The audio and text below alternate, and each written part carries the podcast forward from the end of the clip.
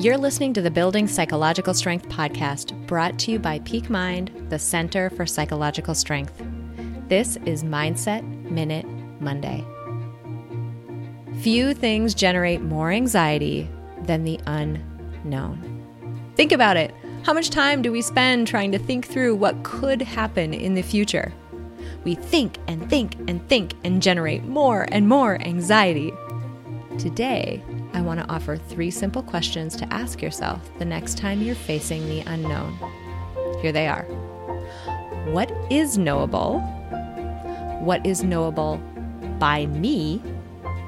What is knowable right now? And allow yourself to focus on the things that meet those criteria. Knowable by you right now. Try this out and see how you feel. DM us on Instagram at Peak Mind Psychology to let us know how it went.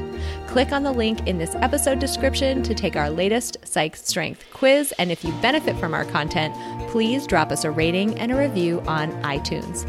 And do share this with others who might find it valuable. We'll see you next week for another Mindset Minute Monday.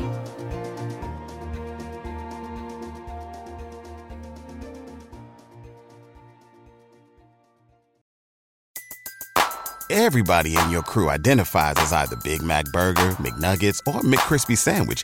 But you're the filet fish Sandwich all day. That crispy fish, that savory tartar sauce, that melty cheese, that pillowy bun. Yeah, you get it. Every time. And if you love the Filet-O-Fish, right now you can catch two of the classics you love for just $6. Limited time only. Price and participation may vary. Cannot be combined with any other offer. Single item at regular price. Ba da ba ba ba.